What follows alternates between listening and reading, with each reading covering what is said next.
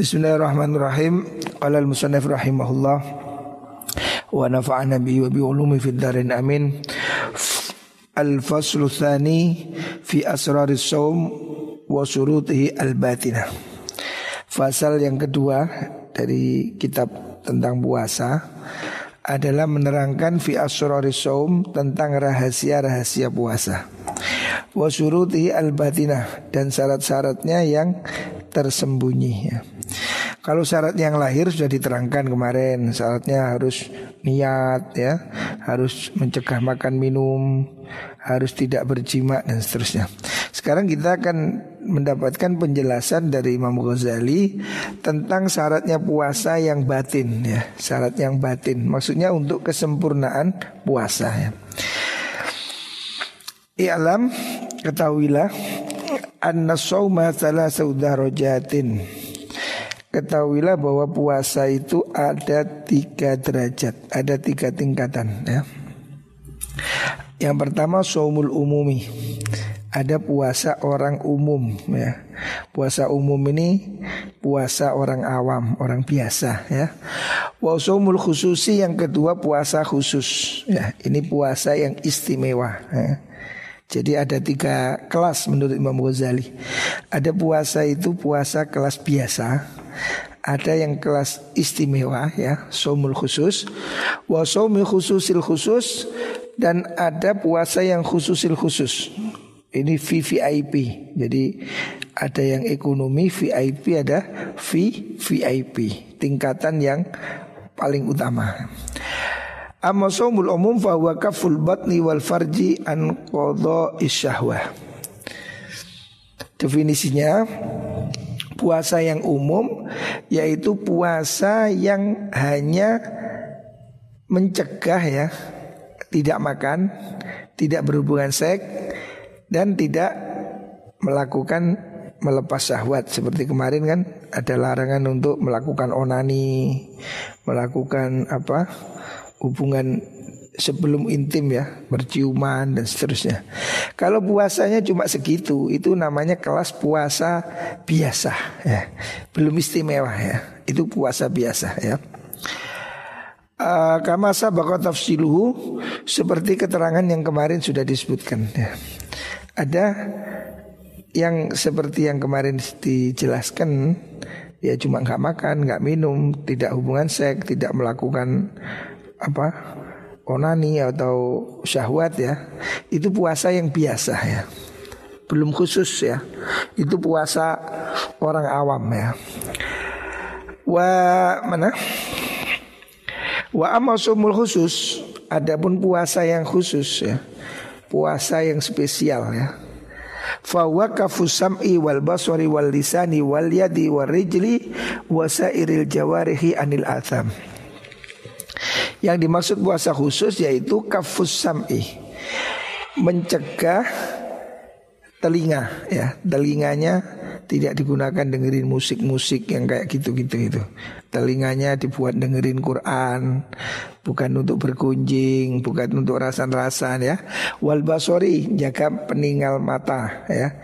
Matanya tidak jelalatan Lihat-lihat yang maksiat walisani dan jaga mulut ya. Banyak orang perutnya puasa tapi mulutnya enggak. Mulutnya masih maki-maki orang, mulutnya masih bohong-bohong, mulutnya masih tipu-tipu ya. Itu berarti mulutnya belum puasa. Warijli dan juga menjaga kakinya. Kakinya enggak jalan-jalan ke mana-mana, enggak ke tempat-tempat siap. Wasairil jawarihi dan juga menjaga semua anggota tubuh ya, anggota anggota tubuh secara umum anil azami dari berbagai dosa. Ya. Jadi ini puasa yang spesial. Yang spesial masih belum inti, masih yang kelas menengah. Jadi yang biasa itu kan cuma puasa, nggak makan, nggak minum. Nah puasa yang spesial ya VIP ya itu puasa khusus puasa yang mencegah semua dari dosa ya. Telinga tidak mendengarkan apa yang dilarang Allah ya. Tidak mendengar gosip-gosip ya. Jadi TV-TV yang apa tuh silet apa yang isinya gosip-gosip itu udah selesai dah. Dan juga menjaga mata, jangan melihat sesuatu yang dilarang oleh Allah ya. Lisan ya, lisan apa? Jangan apa berbicara yang tidak penting ya. Jangan gremeng, jangan apa ya ucapan yang tidak bermutu gitu loh. Jadi Ramadan ini usahakan mulut kita ini ikut puasa. Kalau bisa ya baca Quran, zikir, wirid itu lebih bagus daripada nyanyi-nyanyi ya, daripada siul-siul yang tidak berguna ya. Itu yang tidak boleh. Terus yang dimaksud dengan menjaga tangan apa? Menjaga tangan itu ya tidak boleh cawil-cawil, tidak boleh cubit-cubit, tidak boleh ngedek-ngedek cewek ya. Nah, itu. Kaki, kaki tidak boleh jalan ke tempat maksiat ya. Jadi ini harus harus dijaga semua. Semua maksiat termasuk kemaluan. Kemaluannya juga dikurung, jangan dilepas ke mana-mana. Ya, pokoknya ini seluruh anggota tubuh berpuasa ya dari maksiat ya. Jadi tidak boleh melakukan dosa apa pun dari seluruh anggota tubuh. Ya, ini puasa yang istimewa ya. Tapi ini belum yang top, masih istimewa ya. Jadi semua anggota tubuh yang yang tadi itu mata, telinga, kaki, mulut semua harus dijaga. Ini masih tingkatan menengah. Yang paling tinggi wa amma saumul khususil khusus. Adapun puasa yang super spesial ya. Ada puasa yang khususil khusus. Khususil khusus itu artinya puasa yang betul-betul istimewa. Maksudnya istimewa ini puasa yang tidak main-main ya. Puasa yang betul-betul super ya. Ini puasa yang tingkatan tertinggi ya. Jadi puasa kita ini masih tingkatan pertama. Masih tingkatan puasa yang tidak makan minum. Harusnya kita naik ke tingkat kedua. Tingkat kedua ini puasa yang sudah tidak apa? melakukan dosa, dosa mulut, dosa telinga, dosa apalagi lesan ya, dosa semua indera kita ya. Kalau sudah ini ada lagi yang naik satu strip lagi. Yang lebih tinggi lagi daripada itu adalah wasomu khususil khusus puasa yang super istimewa. Puasa yang nomor satu ya. Jadi kalau di kelas puasa itu ada tiga tingkat. Biasa, istimewa, super istimewa ya. Top Ya. Lah yang top ini khususil khusus fasaumul qalbi yaitu puasanya hati. Hati puasa maksudnya bagaimana? Fasaumul qalbi anil himami dari beberapa keinginan ad-dunyawiyati atau ad-daniyati yang rendah, yang dunyawiyah ya.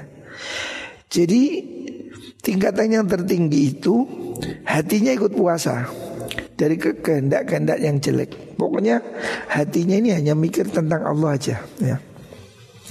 Tidak ada keinginan untuk yang lain ya. Ini puasa yang spesial ya. Puasa yang khususil khusus. Ketika orang di hatinya tidak ada pikiran duniawi ya. Wal afkarit duniawiyah.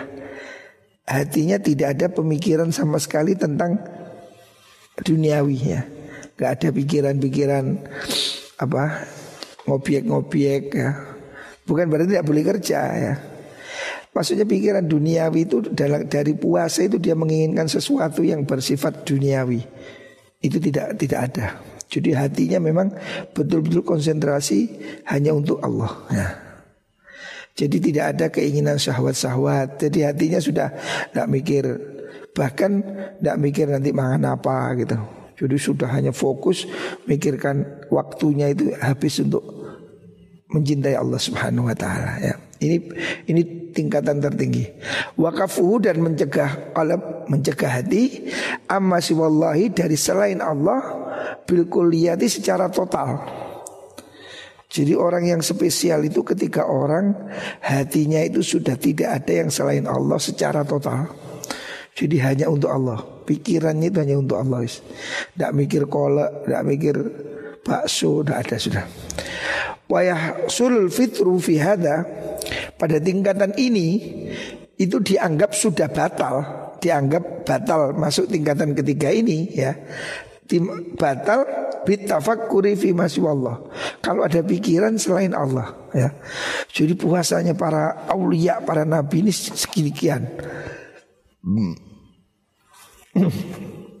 Mereka menganggap kalau sudah hati berpikir selain Allah itu sudah batal walaupun perutnya masih belum makan. Jadi dia memfokuskan otak dan pikirannya hanya untuk Allah mereka menganggap kalau mikir selain Allah itu sudah batal konsentrasinya. Jadi full ya. Ini yang spesial ya. Di dunia dan juga mereka menganggap batal pada posisi puasa yang ketiga ini mikir tentang duniawi itu dianggap batal ya. Maksudnya bukan batal puasa, batal tingkatan yang ketiga ini. Jadi tingkatan yang ketiga ini sudah tidak ada pikiran duniawi sama sekali. Ya, jadi pikirannya fokus untuk mencintai dan menghamba kepada Allah Subhanahu wa taala. Illa dunia turadulidin kecuali urusan dunia yang untuk urusan agama. Ya dia masih punya kerjaan ya diuruslah. Tapi tujuannya memang untuk supaya zakat ya. Dia punya kerjaan tujuannya supaya Jadi tidak Bekerja itu tidak jelek ya. Tidak jelek ya. Bekerja itu baik ya. Jangan salah paham. Bekerja itu baik. Nah, bahkan Rasulullah Shallallahu Alaihi Wasallam Rasulullah mengatakan bahwa orang yang bekerja untuk mencukupi anak istri itu visabilillah. Jihad visabilillah. Artinya dapat pahala jihadnya. Orang cari harta halal supaya tidak minta-minta supaya tidak mencuri supaya tidak makan barang haram itu visabilillah ya. Dia itu jihad sudah. Dalam nanti dalam kitab Ihya ini ada bab tentang etika bekerja. Itu ada riwayat, ada sahabat, ada anak muda itu kuat kekar, dia setiap hari bawa tali, bawa apa itu namanya kapak, pergi ke hutan cari kayu untuk cari nafkah, jualan kayu. Zaman dulu kan belum ada LPG ya, jualan kayu. Terus sahabat yang lain itu ngerasani Bilang sama Nabi Eman dia masa mudanya kok nggak dipakai jihad visabilillah Kok nggak dibuat perang? Kok dibuat kerja? Kok cuma kerja aja? Lu oleh Nabi sahabat ngerasani ditegur. Jangan begitu kan Itu dia anak muda itu Kalau kerja tujuannya supaya dia makan harta halal Supaya tidak mencuri Supaya tidak minta-minta Supaya dia mencukupi kewajibannya pada keluarganya Fahuwa visabilillah dia itu jihad visabilillah ya. Jadi jihad itu tidak harus bermakna perang ya. Jihad untuk ekonomi itu juga jihad ya. Umat Islam ini juga perlu kaya ya. Siapa yang bayar zakat? Kalau miskin semua, semua minta zakat, yang bayar siapa ya? Makanya dunia yang untuk akhirat itu tidak apa-apa. Yang tidak boleh itu dunia yang untuk dunia ya. Pikiran kedunian itu yang nggak boleh. Tapi kalau orang bekerja untuk memberi nafkah anak istri, bekerja untuk supaya bisa naik haji, bisa berzakat, bisa berbagi, itu ibadah ya. Jadi kaya itu tidak jelek ya. Sahabat Nabi itu ada sepuluh yang al-mubasyari nabil jannah yang dijamin masuk surga. Itu saya lihat dari sepuluh itu yang tujuh kaya. Kamu lihat sepuluh sahabat yang dijamin masuk surga, yang tujuh kaya. Termasuk ada Abdurrahman bin Auf Ada Utsman bin Affan ya. Orang kaya semua itu. Jadi kaya itu tidak jelek. Allah sendiri menyebutkan kekayaan dalam Al-Quran itu dengan bahasa apa? Al-khair. Wa innahu lihubbil khairi la syadid. Al-khairi artinya harta Manusia itu sangat mencintai harta. Tapi Allah katakan dalam Al-Qur'an bahasanya wa innahu lihubbil khairi lasyadid. Khair itu kan baik, ya kan? Jadi orang itu terlalu cinta dunia, ya itu yang nggak boleh alhaqumut takasur. Kamu ini sibuk hidup berlomba-lomba mikir dunia tok gak ibadah hatta zurtumul makabir sampai kamu tewas mati kena corona. Ada orang yang hari ini meninggal ya teman saya ini kaya raya, orang kaya betul. Kena corona. Saya tadi cek kenapa dia meninggal, kena corona. Ya. Padahal secara akal orang ini luar biasa kaya. Aneh kalau dia bayar dokter itu sangat sangat mampu lah ya. Tapi karena ya takdir Allah ya mati juga gitu ya. Makanya jangan terlalu berpikir dunia ya. Tapi dunia itu perlu kalau memang untuk akhirat ya. Fa inna dzalika min zadil akhirah. Ya. Kalau orang itu cari harta untuk ya untuk urusan agama, maksudnya dia cari harta itu untuk bangun pesantren, untuk zakat, untuk naik haji, maka fa inna dzalika min zadil akhirah. Maka itu adalah bagian dari sangu akhirat. Ya. Walaysa minad dunya dan itu tidak termasuk dunia. Qala arbabul qulub man taharrakat himmatuhu bitasarrufi naharihi litadbiri ma yuftiru alaihi kutibat alaihi khati'ah. Ya. Kalau arbabul kulub berkata para wali ya orang-orang yang mempunyai hati jernih ya arbabul kulub para aulia dia mengatakan man taharrakat himmatuhu siapa yang keinginannya ini bergerak ya menggerakkan keinginannya bitasarrufi naharihi yang dengan dia berupaya di waktu siang itu ditadbiri ma yuftiru alaihi untuk mikirkan nanti buka apa. Ya, jadi dia ini siang hari mikir nggak kalau eh telo apa apa apa apa nongko ya dia itu mikir bukaan itu. Mikir nanti bukanya itu rawan apa soto nanti itu sambelnya lombok itu telu apa limo ya. Maka kutibat alil khatia ini dianggap satu kesalahan ya. Bagi tingkatan yang istimewa tadi ya. Tadi ada tiga tingkatan Tingkatan biasa, istimewa, sangat istimewa Pada tingkatan yang sangat istimewa ini Tingkatan para aulia Mereka itu menganggap Mikiri buko aja itu Sudah termasuk kesalahan ya. Jadi mereka nggak mikir nanti bukonya itu makan apa ya gak mikir blas. Wis pokoknya buko untuk dipangan. Jadi sampai nggak mikir segitunya. Sama sekali tidak ada pikiran duniawi ya. Fa inna dzalika min qillatil wuthuq bi fadlillahi azza wajal. Karena hal itu mikiri bukuan, mikiri makanan itu termasuk menunjukkan indikasi sedikit rasa percaya pada Allah. Berarti dianggap orang itu masih kurang kumandel, kurang apa? Kurang pasrah pada Allah. Ya. Menurut tingkatan puasa yang ketiga tadi ya. Wakil yatil yakin beriskil ma'ud Kenapa orang mikiri makanan buka ini dianggap celah? Karena dia itu berarti masih nggak yakin tentang janji rezeki yang diberikan Allah. Ya. Jadi pada tingkatan yang ketiga ini tingkatan yang spesial betul. Ya. Ini tingkatan yang mungkin hanya dilakukan oleh orang-orang ambia, orang siddiqin ya. Ketika hatinya sudah tidak ada selain Allah. Jadi wis gak mikir, dia tidak mikir bagian dunia dia yang dipikir akhirat aja. Sampai mikir buku aja nggak boleh ya.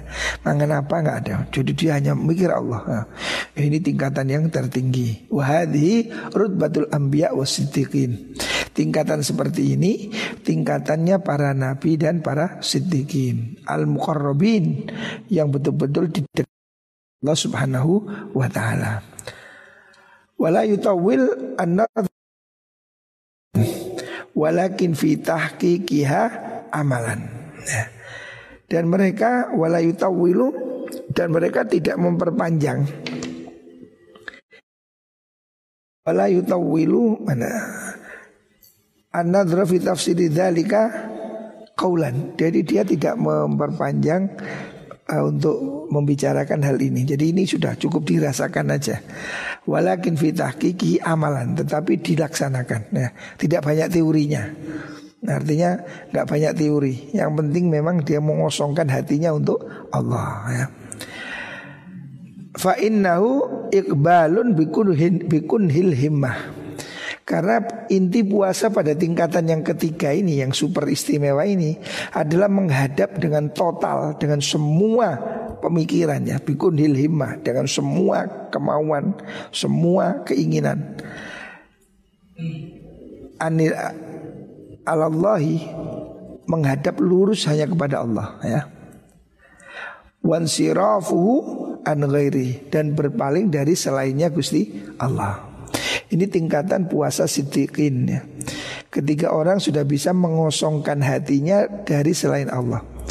Bahkan termasuk remeh-temeh soal makanan sudah nggak dipikir. Dia hanya fokus pada Allah Ini tingkatan yang tertinggi Wala talabbusun bimakna qawlihi ta'ala Kulillah summa darhum fi khawdihim yal'abun. Pada tingkatan ini dia sudah memakai Atau dia sudah menyelami arti Allah yang firmankan dalam surat Al-An'am ayat 91 Kulillah thumma darhum fi khawdihim yal'abun Katakan Allah hanya ada Allah di dunia ini. Thumma darhum kemudian tinggalkan mereka. Fi khawdihim yal'abun bermain-main dalam eh, kesia-siaan. Jadi sudah nggak mikir selain urusan yang lain. Jadi hanya Allah. Kulillah. Sudah katakan Allah. Sudah satu fokus. Tumadarhum fi khawdihim yal'abun Kemudian tinggalkan mereka yang apa bermain-main. Jadi dia tidak ada pikiran selain Allah. Nah ini tingkatan yang sudah tertinggi ya Ini tingkatan para siddiqin atau para ambia ya. Ini tingkatan yang istimewa ya. Wa amma khusus Wa wa Adapun tingkatan yang kedua kita ini mungkin tingkatan yang ketiga ini sulit ya. Tingkatan yang ketiga ini sudah nggak tercapai kita ini. Kita masuk tingkatan yang khusus saja lah. Tingkatan yang spesial aja ya. Dari biasa kita naik ke satu trap ke spesial somul khusus. Wahwa somus solehin ini tingkatan puasanya solehin orang-orang soleh ya. Kalau yang atas tadi kan somus sidikin ya ambia ya. Ada yang bawahnya lagi somus solehin puasa orang soleh. Ini sudah istimewa. Kita masuk ke sini sudah top ya. Fahuwa kaful jawarih anil azam. Puasa pada tingkatan kedua ya Kan ada tingkatan biasa Istimewa, super istimewa Yang istimewa aja, yang khusus ini aja Itu kaful jawarih anil azam Adalah puasa untuk mencegah semua anggota tubuh dari dosa nah, Jadi menyucikan semua anggota dari dosa Watamamu bisitati umurin Kesempurnaan cara ini pada enam hal ya. Al awalu ghadul basor Ya, kalau kita mau naik ya, tingkatan puasa kita tahun ini mau naik satu strap ya. Kita ini kan puasa puasa biasa. Hari ini kita ngakui lah puasa kita ini cuma ndak makan ndak minum. Kalau kita mau naik satu tingkat menjadi puasa istimewa, maka yang harus kita lakukan apa? Watamamu bisa tadi umur. Kita harus melakukan enam hal. Yang pertama Al awalu Yang pertama Ghudul basor Yang pertama yang harus kita lakukan Jaga mata ya, Ghudul basor Ini yang paling inti ya. Karena mata ini sumber semuanya Ini mata ya. Orang itu dari mata kemudian turun ke hati ya. Asalnya itu kelihatan mata Setelah mata kok saling kedip ya. Setelah senyum Setelah senyum kirim salam nah, Setelah kirim salam janjian Nah itu jadi kan awalnya dari mata ya Awalnya dari mata ya Makanya yang paling inti dari puasa itu dari enam hal yang harus dilakukan supaya puasa kita naik menjadi spesial. Yang pertama jaga mata. Wakafuhu dan mencegah mata anil itisa fin nadri dan dari memperluas maksud melepas fin nadri dalam melihat ila kullima pada segala sesuatu yudhammu wa yukrahu yang tercela dan tidak disukai ya. Ini kunci yang pertama ya. Ini adab yang pertama ya. Adab kalau kita mau naik tingkat ya supaya puasa kita ini menjadi spesial ya. Moga-moga Ramadan ini mudah minggu depan ya. Moga-moga kita semua bisa puasa Ramadan. Kalau kita mau puasa kita lebih spesial, maka yang pertama itu ghudul basor jaga mata ya wakafu dan cegah anil itisa ya dari melepaskan dari melepas maksudnya membiarkan fin nadri untuk melihat ila lima pada segala sesuatu yudamu yang tercela wa yukrahu dan tidak disukai ya. maksudnya tidak disukai oleh syarak ya. Jadi ayo kita mulai melatih mata kita Jangan lihat sesuatu yang tidak sukai sara Ya termasuk sekarang ada di handphonemu itu Handphonemu itu kan bisa lihat Goyang ngebor goyang patah-patah, goyang bebek, goyang mentok, nah yang gitu-gitu itu, ayo sudah, ayo puasa kita kurangi yang gitu-gitu ya. Kan? Secara syariat tidak bagus ya. Ayo kurangi dari sesuatu yang tidak diperbolehkan syara ya. Sesuatu yang Allah larang ya. Wa ila kulli ma yusghilul qalb. Jangan melihat kepada sesuatu yang bisa membuat hati ini sibuk, yang membuat hati ini tidak konsen ya. Yang merisaukan hati ya. Wa yulhi an ta'ala dan jaga dari penglihatan yang membuat kita lalai ya tidak ingat Allah ya contohnya delok dangdutan delok TV main game itu loh ya ini termasuk hal-hal yang harus dihindari. Karena apa? Kalau kamu lihat YouTube Kamu lihat game Kamu lihat TV ya Apalagi isinya itu joget Atau film atau apa Pasti membuat hatimu konsentrasinya ke situ. Fantasimu ke sana lihat orang joget kan kamu fantasinya kan dulu loh loh loh loh mana yang gini ikut goyang ya kan sehingga kamu lalai tidak ingat pada Gusti Allah. Jadi usahakan selama Ramadan ya kalau mau puasanya spesial hilangi segala sesuatu yang membuat kamu lalai. Yang membuat kamu menjadi tidak konsen dari Gusti Allah ya. Jangan melihat sesuatu yang membuat kamu sibuk sehingga lupa dari Allah. Ya hari ini yang perwaktis nyata tanpa ya HP Luis. Ya puasa ini tanpa HP. Bagaimana kita berusaha puasa tanpa YouTube minimal tanpa YouTube, tanpa apalagi, tanpa WA, tanpa pokoknya hal-hal yang berpotensi membuat kita lupa tidak ingat pada Allah. Ini cara yang pertama ya. Supaya puasa kita naik ke tingkatan yang khusus Jaga mata. Dari yang haram atau makruh Atau sesuatu walaupun tidak haram Walaupun tidak makruh Tetapi membuat kita tidak ingat pada Gusti Allah. Ya Mainan-mainan itu Ini. Qala sallallahu alaihi wasallam Nabi mengatakan dalam sebuah hadis An-nadhratu sahmun masmumun. Penglihatan itu adalah panah beracun. Ya, panah beracun. Istilahnya Nabi panah beracun. Kan zaman dahulu kan senjata itu panah. Beracun artinya berbahaya sekali. Ya. Kalau sekarang bedil. Dulu kan panah. Ada panah beracun. Wah, Artinya apa? Penglihatan itu sesuatu yang paling berbahaya gitu ya. Sahmun masmumun min siham iblis dari anak panahnya iblis ya. Jadi panah setan. Faman tarokaha siapa orang mengurangi penglihatan tadi melihat maksiat, melihat sesuatu yang tidak disukai syariah, haufan min Allah, dia tidak melihat itu karena takut pada Allah. Is aku posani pray kak YouTube YouTubean nih Kak nonton iku apa? Apa iku sing game sing arek saiki seneng iku apa iku? Apa? Jenenge apa iku? Tulinanmu iku sing arek gak turu-turu iku lho. Wis iku no kabeh ya. Karena takut pada Allah ya. Siapa orang meninggalkan penglihatan hal-hal yang tidak disukai Allah karena takut Allah, imanan karena iman ya karena panggilan iman. Saya Ramadan ini mau konsen mendekat pada Allah panggilan iman. Apa yang terjadi? Yajidu halawatahu fi qalbi Allah akan beri rasa manisnya iman di hatinya kita ini menjadi malas ya Ayo introspeksi ya. Kita ini jadi malas ibadah Aras-arasan, abot. Karena kita belum merasa nikmatnya iman. Kita belum merasakan manisnya iman di hati kita. Sehingga sholat itu jadi beban. Tidak entah Aku lagi gugai sampai kesel. Jam 4 istiqoga Jam 5 turun tangi. Sampai mari jamaah turun tangi. Kenapa kamu kok berat? Karena kamu belum merasa manis Ibadah itu masih terasa berat. Ibadah masih terasa sebagai beban. Makanya berat ya. Karena apa? Belum terasa manisnya. Tapi kalau kita Seperti Imam Junaid al-Baghdadi Sholat sehari 400 rakaat. Kok gak capek?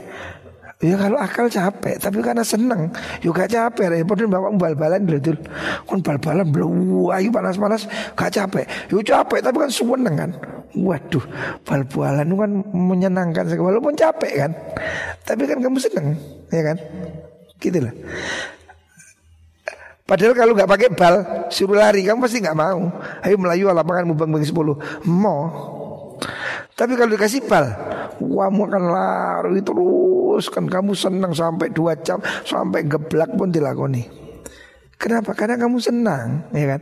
Kamu merasakan manisnya permainan itu, walaupun itu capek. Capeknya terasa karena enak, gitulah. Kamu duduk di depan warnet, dua jam, lima jam, yuk capek mesti nih. Bokong mesti ya panas. Tapi apa kok gak panas? Yuk karena senang. Waduh, oh ini terus. Coba ngaji telon. Asik kudu ngentut, kudu Karena apa? Kamu tidak merasa manis. Itulah. Ya sama saya katakan tadi kalau ahli ilmu itu ngaji seratus kali pun tetap semangat karena dia mencintai ilmu. Tapi kalau bukan ahli ilmu ngaji sekali udah males, udah capek. Ya. Lah kita akan merasakan manisnya iman Kalau satu kunci pertama Jaga mata kita dari hal-hal yang dilarang Gusti Allah. Kurang ngono handphonemu wis gampangan ngono. Cekak AOC ya nopo sih? Singkatnya ayo puasa ini ngurangi HP ngono ya, wis. Bahasa yang paling gampang ya boleh puasa ini gantilah WA dengan wausan Al-Qur'an. Nah Ayo WA WA wawasan Al-Quran. Nah kalau kamu kurangi maksiatmu Kamu akan merasakan manisnya iman. Itu pasti Lihatlah orang-orang yang istiqomah itu. Saya ini khotamnya Mbak Idris. Saya 15 tahun ikut Kiai Idris Mulai tahun 99 Saya melihat beliau itu walaupun di perjalanan Baca dalail Baca yasin, wirid Karena dia merasakan nikmat. Sementara kamu ki omah turut toh. Pemane lungo ya tambah turu, capek. Mau di rumah aja tidur apalagi di jalan. Loh, saya melihat kiai-kiai itu ya. Saya ini kan lama jadi pelayannya kiai. Saya ikut perjalanannya Mbak Idris, Kiai Subadar, Kiai Nurul Huda. Jadi saya itu ikut perjalanan kiai. Saya itu menjadi hadamnya kiai bertahun-tahun. Dan saya tidur satu kamar dengan beliau itu. Jadi kalau pergi ke mana-mana saya sama Mbak Idris itu satu kamar. Saya yang latih ini beliau nyiapkan ini nyiapkan itu. Saya jadi saya tahu persis apa yang dilakukan kiai itu saya tahu persis. Jadi kiai-kiai itu walaupun di perjalanan tapi zikirnya tetap, wiridnya tetap. Lah kita ini di rumah aja baca Quran malas, wirid malas. Pemane embong tambah malas ya. Nah inilah Kenapa? Karena kita belum merasakan manisnya iman Manisnya ibadah belum ada di hati kita Sehingga ibadah itu hanya ngabot Cuma abot ya.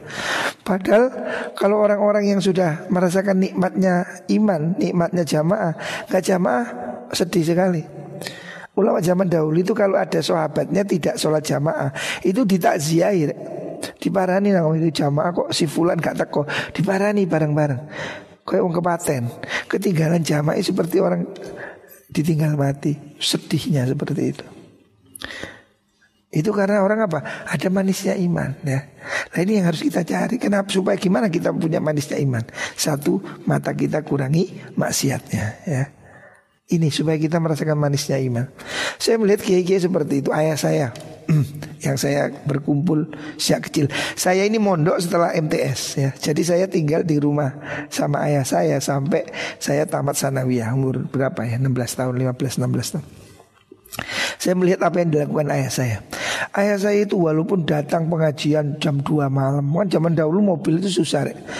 Ayah saya itu kalau pengajian itu ke daerah wajak sana itu sampai naik kuda, saking jauhnya perjalanan. Jadi naik zaman dulu jarang orang punya mobil pickup, sering dijemput pickup eh, sampai di suatu daerah, di situ turun naik kuda, naik gunung. Waduh medannya berat zaman dulu ya. Saya aja pernah datang di daerah situ, saya dulu nanam sengon di daerah sana nganteng sana. Itu harus bawa jeep yang double handle, yang 4 kali 4 Wah, wow, mereka bilang orang sana dulu Gus, apa sampean datang ke sini naik kuda. Jadi ayah saya dulu ke situ naik kuda. Hari ini saya naik Toyota. Waduh, naik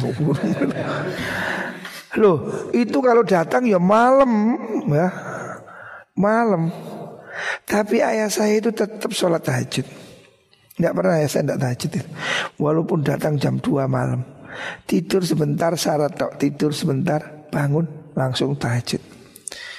Wah, kok apa nggak ngantuk? Pasti ngantuk ya, pasti ngantuk. Tapi apa? Dia mengalahkan dirinya. Dan setelah subuh, perhatikan, setelah subuh sejak dulu ayah saya itu tidak ada kamus tidur setelah subuh. Jadi ayah saya itu mengamalkan kitab taklim bahwa tidur setelah subuh itu menyebabkan fakir. Makanya tidak ada anak tidur setelah subuh itu. Dulu di pondok tidak ada, disairam sama ayah saya kalau tidur. Tidak ada yang berani tidur. Saya sejak kecil, saya ini kan karena hidup sama ayah saya, mulai kecil sampai saya tamat MTS. Baru tamat MTS saya mondok, sehingga saya melihat sendiri apa yang dilakukan dilakukan ayah saya. Tahajudnya tidak pernah. Apa nggak capek? Tak kira ya mesti capek lah. Tapi karena apa? Karena beliau ini merasakan manisnya tahajud, ya nggak berat gitu lah. Lah kita ini Yus nang dindi Tulinan handphone, ngeloni handphone, gak tahajud, kadang gak sembahyang subuh, bayangkan. Alangkah, alangkah apes ya. Sedih, kita harus sedih. Tidak jamaah subuh itu harus sedih ya. Karena apa? Pahalanya tahajud itu sama dengan sholat Eh pahalanya jamaah subuh sama dengan tahajud semalam Jadi Nabi mengatakan siapa jamaah isya sama dengan tahajud setengah malam Kalau ditambah jamaah subuh pahalanya sama dengan tahajud semalam suntuk jadi kalau kamu belum bisa tahajud Minimal jamaah subuh dan jamaah isya ya. Perhatikan ini. Ya, jangan meremehkan jamaah. Kalau kamu masih meremehkan jamaah, berarti tidak ada guna ngajimu. Ya, itu kamu lihat di dalam kitab Risalatul Mawana. Ya. Jadi orang itu nomor satu mengamalkan ilmu itu sholat jamaah. Hmm. Ayah saya dulu begitu, mestikan pada saya sholat jamaah. Kalau saya pergi pulang ditanya tadi sholat di mana, jamaah apa enggak? Kalau enggak suruh sholat lagi, suruh cari teman, suruh sholat lagi. Jadi mendidik supaya sholat jamaah. Makanya saya berusaha sekarang walaupun di kamar sama istri saya jamaah. Ada anak saya saya sholat jamaah. Pokoknya kalau bisa jamaah. Walaupun tidak bisa ke masjid, walaupun di kamar, jangan tinggalkan sholat jamaah. Ya. Ini penting, rek. Supaya ini melekat di hati musiknya kalau nggak jamaah itu eman gitu. Dan ini yang saya lihat kiai-kiai itu begitu. Saya pernah ikut ya Mas Tuki Mahfud. Ya cuma itu. Ya itu nggak mau nggak jamaah. Jadi kalau mau sholat Eh Gus cepetan Gus. Oh, Saya suruh untuk sholat jamaah. Dulu saya punya teman namanya Kiai Fawaid Situ Bondo Kiai Fawaid As'ad itu almarhum Ya umurnya di atas saya sedikit Meninggal masih muda. Itu ke mana-mana bawa ajudan Bawa khotam Dirasani sama gus-gus yang lain itu. Wah Kiai Turo Kayai bawa ajudan Dikira gaya-gayaan. Ternyata tidak. Ternyata tidak. Saya setelah akrab dengan Kiai Fawaid Sering pergi sama saya. Ternyata Kiai Fawaid bawa ajudan ini Supaya sholat jamaah. Jadi dia itu tidak pernah ninggalkan jamaah. Makanya dia selalu bawa teman. Supaya apa? Supaya nggak sholat sendiri.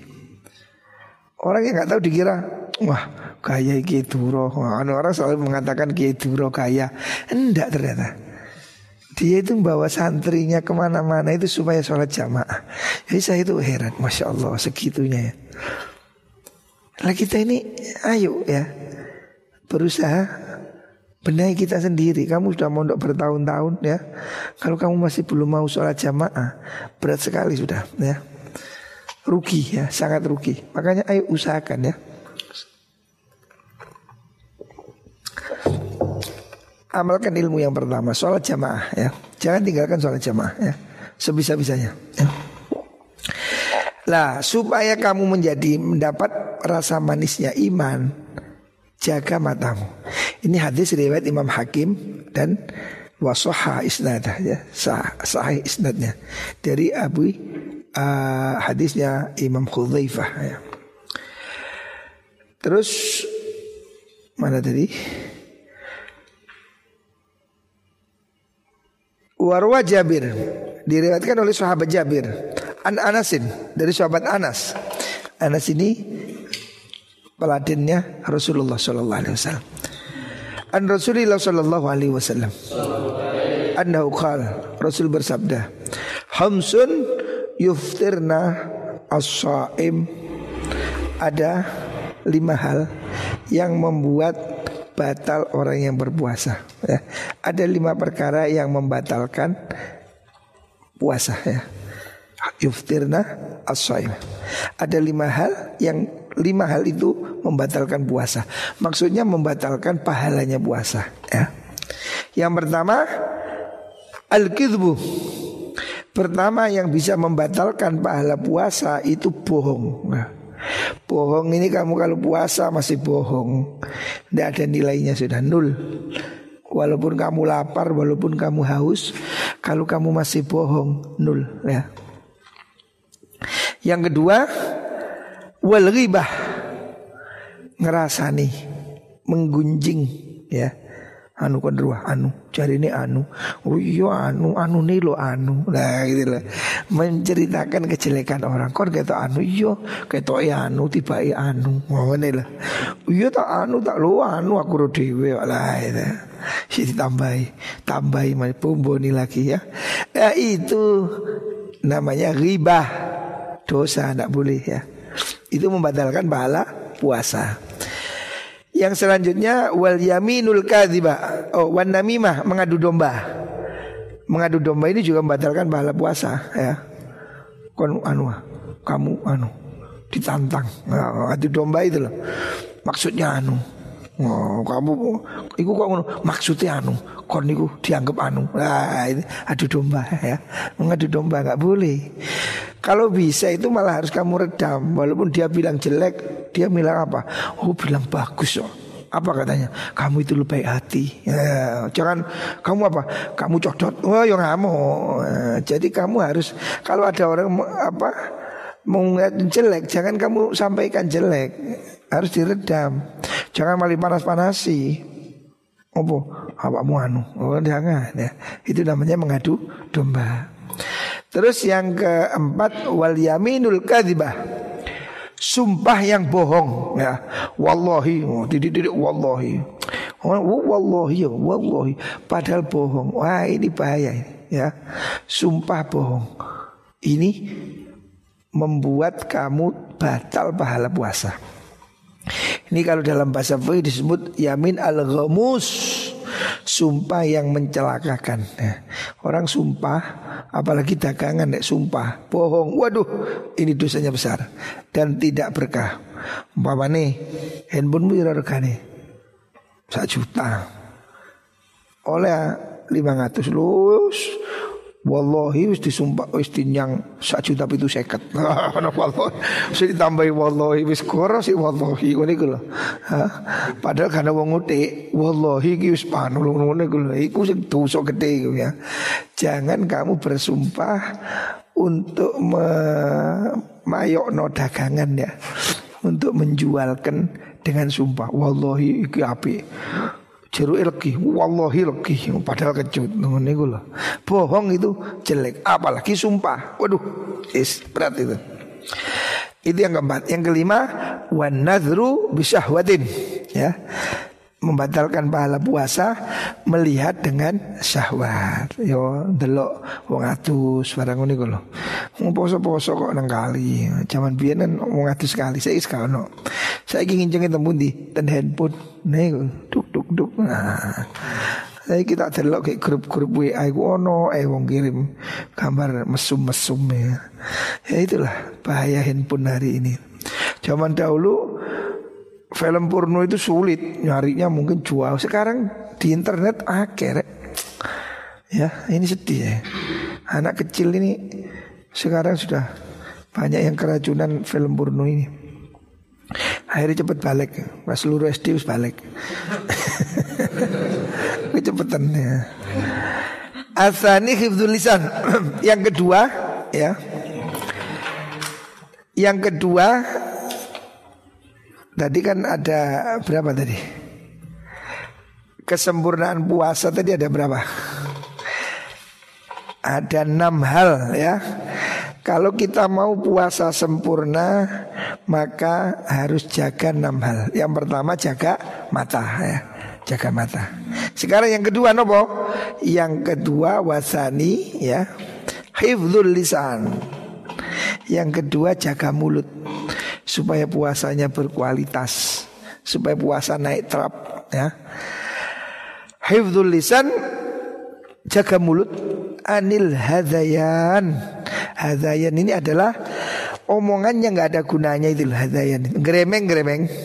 Apa? Ngomel-ngomel itu loh. Ngomel-ngomel, ngomong sih gak perlu nih loh. Ngomong yang tidak ada gunanya ya. Apalagi meso. Ngomong yang nggak ada pentingnya itu loh. Kan kadang orang tahu menang-menang ngoceh. Eh Anjen kakian gedang Ngocah-ngoceh Jadi ngomong yang gak ada perlunya hadayan itu. Menang-menang ngereng-ngereng Itu ucapan yang tidak ada gunanya Ngobrol-ngobrol itu jauhi ya. Karena nanti akan kepleset pada hal yang haram. Jaga lisan yang pertama dari hadayan Dari omong yang tidak berguna. Wal dan dari bohong ya. Bohong itu apa sih? Bohong itu sesuatu yang nggak ada dasarnya itu loh bohong. Kalau dasarnya.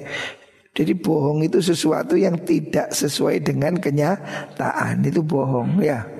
Kamu itu bohong apa? Bohong tentang apa ya? Kalau sekarang di medsos namanya hoax apa? Hoax, hoax, ya, berita bohong ya. Terus kadung di share tiba bohong kan banyak itu orang share sudah kadung kupu tiba hoax. Nah itu. Jadi kalau hari ini ya itu bohong itu bisa lewat tulisan, bisa lewat apa share-sharean ya, Facebookan ya. Wal ghibatu ah, anil anil adiyani wal kidbi wal ghibati. Jaga lisan dari ngerasani. Maksudnya ngerasani itu apa sih?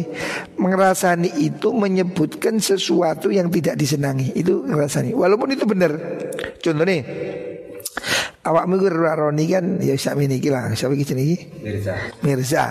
Kok rasane kon ruah Mirza itu ada sing ndek siapa sing ndek iku lho ngono lho ngono iku yo kerasani walaupun hanya asli ndek. Dari kalau ngomong Mirza di sing dhuwur. Iku goro ngarek ndek kok dhuwur. Ya. Kalau tidak sesuai kenyataan namanya bohong. Kalau sesuai kenyataan itu ngerasani jadi menggunjing itu mencer, me, menyebutkan kejelekan orang Walaupun memang begitu. Kan harus yang pesek Lu ya. Banyak di pesek. Tapi menyebutkan dia disebut pesek kan gak seneng toh. Wong walaupun pesek kan diarani pesek ya gak seneng toh. Harus yang ireng. Padahal hasil Ya hasil ireng. Kan orang iku lu harus yang ireng Lu ini gak oleh. Walaupun wongnya ya ireng. Kan dua fadli Sopo harus yang ireng ya Walaupun ya aja ireng tapi gak usah disebut tuh sing ireng, sing pesek, sing pendek kan itu ngerasan. Itu namanya ngerasani. Walaupun kenyataannya memang begitu. Tapi itu ngerasani. Tapi kalau nggak cocok, Fadli sing di harus yang putih mulus sing. Ya. Itu bohong. Tidak faktual itu ya. Jadi ngerasani itu menyebutkan sesuatu yang tidak disukai. Ya apa ya yang dari sifatnya, dari bentuk tubuhnya atau sesuatu yang dia rahasiakan. Yang kalau dia dengar dia suka ya. Itu namanya menggunjingnya. Oh itu nyoto kok. Ya masih nyoto itu jenenge ngerasani nih Lek gak nyoto itu jenenge ngapu Ngapusi lah Wanami mati dan adu-adu. Ya sama dengan tadi. Ya Jangan mengadu domba. Ngadu domba itu apa sih? Definisi ngadu domba itu Menyampaikan ucapan untuk memecah belah antara dua orang. Ya walaupun itu benar umpama nih Fadliku ngerasani Yono Yono iku lho are iku dapurane Terus baru kon Fadli ngomong apa? Awak mulu dapuran mulu iku jenenge ngati dom walaupun dia yang ngomong ngono. Tapi kan kamu akan kalau sampai ke dia kan akan terjadi pertentangan. Jadi memindah ucapan yang membuat orang tidak rukun itu namanya adu domba. Walaupun memang yang ngomong ngono, nggak boleh. Ya gimana? Ya harus kamu ganti bahasa yang lebih halus. Itu namanya bohong putih, bohong yang boleh. Mana nak uang itu karen be bojone terus ngrasani sing wedok, sing wedok ngrasani sing lanang. Ojo disampekno, ya pegatan tenan. Ojo malah dipanas kon cari bojomu anu cari bojo ojo ngono. Itu jenenge mengadu domba. Lek iso yo ganti sing luwih apik. Ya apa? Waduh sakjane dek lu cinta mati. Wah. Padahal yo benci tapi temenan tak iya ketoke ngono tapi sakjane ngono enggak apa-apa. Bohong putih ini kan. Bohong untuk mendamaikan itu boleh. Jadi bohong itu tidak semua nggak boleh. Ada bohong yang boleh seperti untuk mendamaikan. Itu boleh ya. Bohong supaya orang nggak cerai ya itu boleh. Ada kok omong no, yu yu karo kan. Bojomu rabi mana? Wo yo tukaran ya aja. Bojoku rabi, embu karo. ya. Jadi ya jangan mengadu domba ya. Wal dan ucapan kotor. Jorok-jorok itu loh. Ngomong barang jeruan-jeruan itu loh. Golongane kunci ya. Wah, masalah iku apa ya pokoknya barang jeruan-jeruan iku lho gak oleh ngoten urek. Apa maneh kiai gak oleh ngomong sing ya gak usah diomong sing jelas ngono lho ya alat kelamin ngono ojo kon ngono ojo. kan ngomong jelek niku jenenge. Maknane ini ya sing apik ngono jangan terus maknane ini. Ono ben guruku wong Cirebon. Maknani bulu kemaluan nih lah wal anati ngono. Ikan artinya bulu kemaluan kan sholat Jumat apa Jumat itu bersih-bersih, membersihkan apa berengos, membersihkan ketiak dan bulu kemaluan. Terus diterjemah bahasa Indonesia saja itu membersihkan jembat. jembat. Bingung apa, Pak? Itu loh bahasa Indonesianya anu waduh kok iso jembat yo. bahasa Indonesia. Bahasa Indonesia kok aneh. Ya mestinya kan cukup bulu kemaluan kan cukup dong nggak usah di harokat fathah. Yang asalnya tuh mau diganti fathah itu kan dia tambah bingungi gitu loh. Jadi jangan ngomong yang jorok-jorok ya. Wal jafailan wangkot wangkot itu ucapan yang galak kasar itu. Das ya yang apa? Java itu wangkot ngerti wangkot? Wangkot ngerti wangkot Kata-kata kasar itu loh, nyenggerak loh, ngomong sih nyenggerak itu. Ucapan yang menusuk hati loh, matamu ngono ngono loh, menusuk nyenggerak ngono loh, cangkemmu ngono ngono loh. Ucapan yang menyenggerak yang kasar ya. Wal khusumati dan permusuhan. Nah, itu juga nggak boleh. Wal mirai dan mira itu pertengkaran, perdebatan yang emosi itu loh. Ya, mira ya. Karena dalam hadis Rasulullah sallallahu alaihi wasallam mengatakan man tarakal mira wa huwa muhiqqun banallahu lahu baitan fi alal jannah. Siapa orang yang tidak mau bertengkar padahal dia benar, Allah akan bangunkan dia rumah di puncak surga. Jadi walaupun benar pun gak usah tengkar, apalagi salah. Bener pun kita tidak perlu marah Apalagi salah. Wis salah ngeyel. Aduh wis. Wis salah sak ngamuk. Ya tambah gendeng itu jadi Bener pun tidak perlu marah Apalagi salah gitu lah ya. Tidak usah bertengkar. Jadi ada kisah Imam Ali Zainal Abidin Cucu Rasulullah Sallallahu Alaihi Wasallam. Dia itu pernah suatu saat Dia itu kan memang kerjaannya itu tahajud di masjid nggak pulang-pulang. Suatu saat ada orang pedagang mampir di masjid itu. Kemudian setelah itu dia pergi. Setelah pergi dia itu pekun lali. Merasa ke masjid tadi bawa uang. Balik nang masjid juga kal. Ke masjid karena uang adanya cuma Imam Ali Zainal Abidin sholat.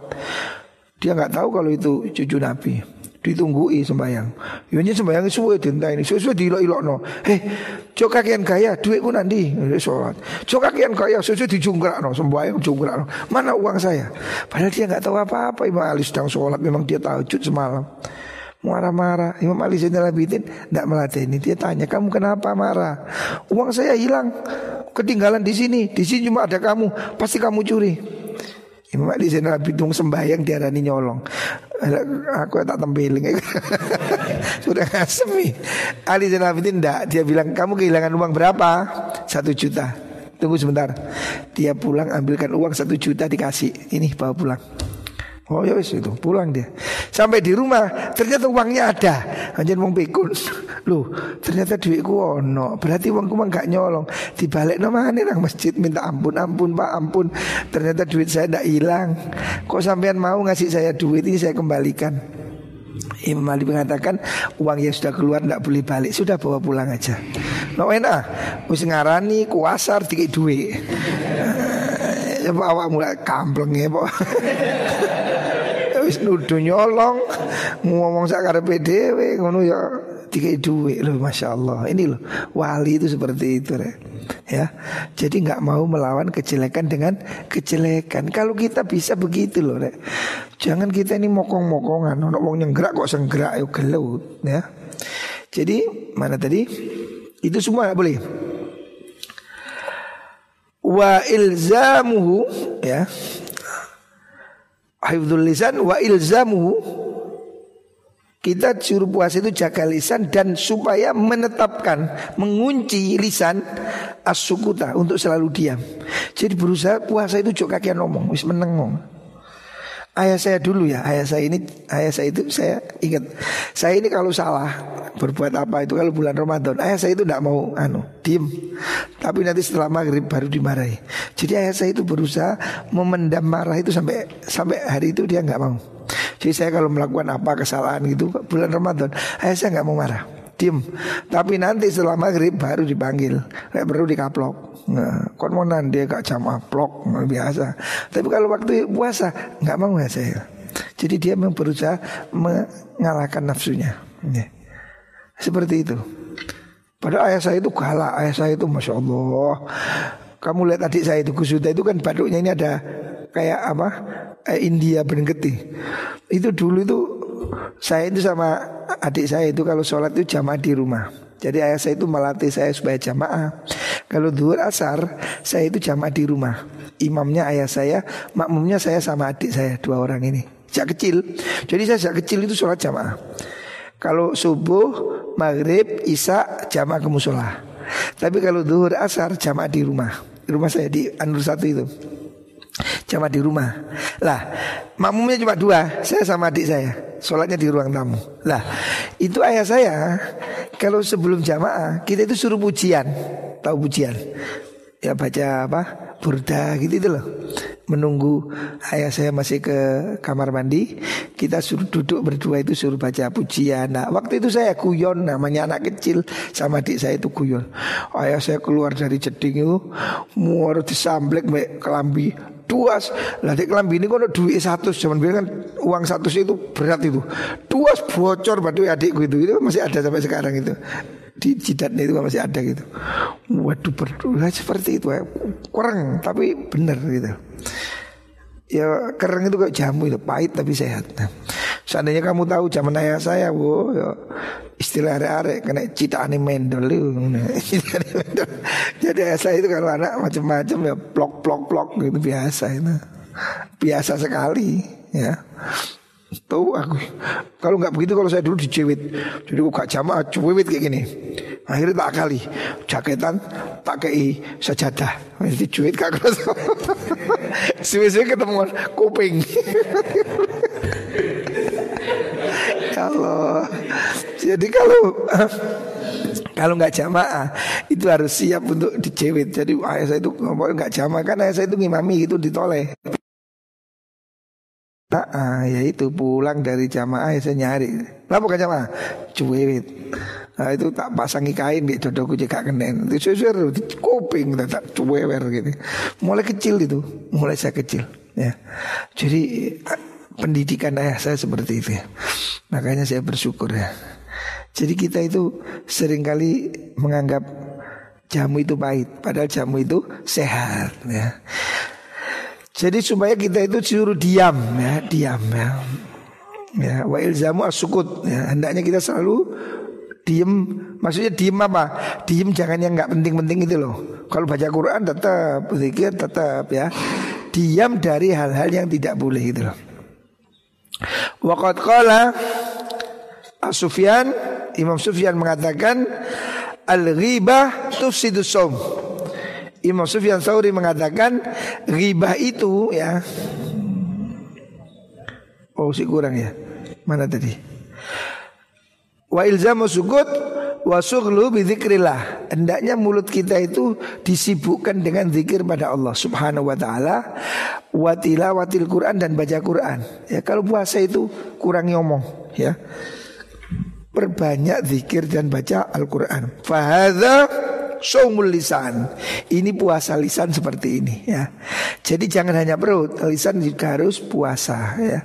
Jangan bohong, jangan adu domba, jangan memfitnah, jangan berkata jorok ya. Waqat qala Sufyan al-ghibatu tufsidus som.